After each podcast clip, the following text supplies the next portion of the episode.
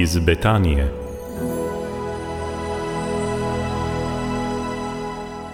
Tukaj je rubrika iz Betanije, z nami je izuit Pater Milan Bizan. Dobr dan in dobrodošli. Dober dan, lepo zdrav vsem. Nekaj sva že povedala o duhovnih vajah v tišini in sicer, da je to predvsem tišina, ki naj bi jo gojili znotraj.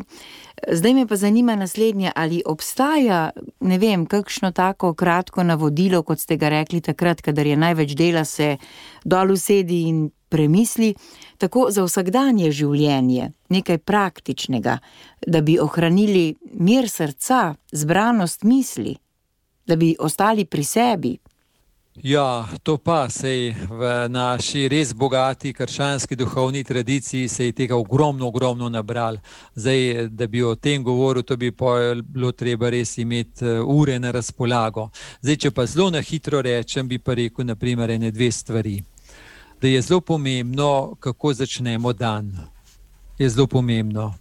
Jaz sem prav včeraj ena rekla na pogovoru, je rekla, jaz sem se navadila, da prvo stvar v dnevu, ki naredim, ni več pogledati novice, pogledati vreme in tako naprej, ampak prva stvar v dnevu, da preberem Božjo besedo tistega dneva. Prav grem na Hozana vsi, preberem in prav zmeraj me kaj nagovori.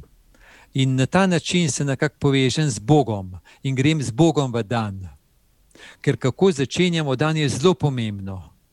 Jasno je, da če mi, naprimer, en teden se učimo, da, da dan začne z Božjo besedo, se ne bo poznal. Če pa eno leto to delam, je pa drugače.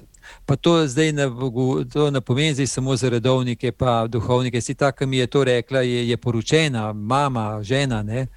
Um, to je bolj, bi rekel, ena taka drža. To se pravi, kako začeti dan, kako se na začetku dneva tako povezati z Bogom, da potem grem skupaj z njim skozi dan in da se tudi nekako toliko povežem s srcem, da potem delujem, da sem toliko v srcu, da lahko iz srca delujem, pa v srce se vračam, da je eno in drugo.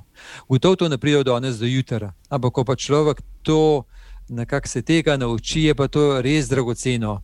In takrat se šele človek vidi, kako nas ta površina, pa zunani pritisk, koliko nas razoseblja in kako nas v revščino spravlja, prav v revščino. Uh -huh. no, to se pravi, ta jutranji trenutek je tako eh, pomemben in mno, za mnoge je tako. No, ena, eh, za kakšne druge pa je to tudi tako kratek trenutek lahko ponavljanja kakšne božje besede, ki povezuje z Bogom. No, to je jutranji trenutek, tako pomemben. Ker časovno sploh pa ni potrebno veliko, takrat, ko je človek že navaden tega da se človek navadi tega, je treba čas, ampak poj, pa ni potrebno veliko za, za povezati se. Ja, ko je človek mojster, ne rabi več veliko, ampak do mojstrstva priti, to je pa vaja. To pa, to pa, to pa. No, pa je še en tak trenutek, verjamem, da je tudi pomemben, kako končujemo dan. Kako končujemo dan, ali se lahko ustavimo, ali se lahko toliko ustavimo, da lahko se Bogu zahvalimo za kaj v tem dnevu. Naprimer, da se mu zahvalimo za tri stvari, za katere sem posebej hvaležen v tem dnevu. Potem, ne vem, ne tri stvari ali pa do tri stvari, ki so bile težke v tem dnevu, pa jih izročim Bogu. Pa morda tudi, kje sem ga polomil, par stvari, pa prosim odpuščanja. Pomen časovno gotovo nekaj to pomeni, ampak ponovno, če to delam. Uh, ustrajno, se zdi zelo tako idilično, ne, da to ni mogoče, ampak vem, marsikšni to delajo, pa pravim, poročeni, ne zdaj tisti, ki se lahko uh, duhovnik, redovnik, se gre v svojo sobo, pa ima mir. Um, je pa to res dragoceno, no, tudi to. Tako da tudi v vsakdanu to uh, gojimo lahko. Je pa res, da, da en duhovne vaje v tišini, bi rekel, so ena taka, ja, nekaj, en prostor, kjer se vsega tega učimo. Uh mhm. -huh. Ali je potem to eh, zanesljivo zagotovilo, če človek to počne, da mu srce ne zakrkne, da ostane odprt, iščoč?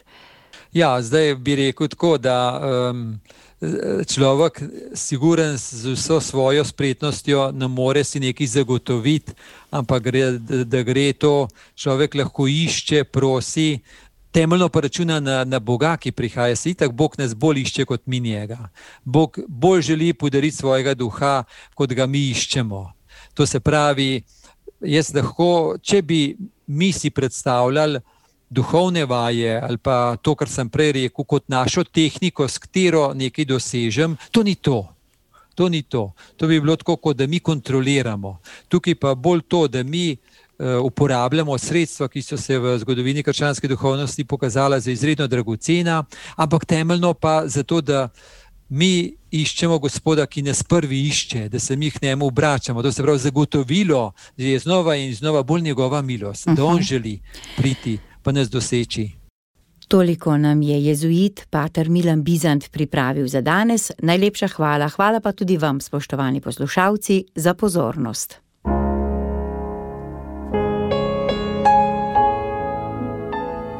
Iz Betanije.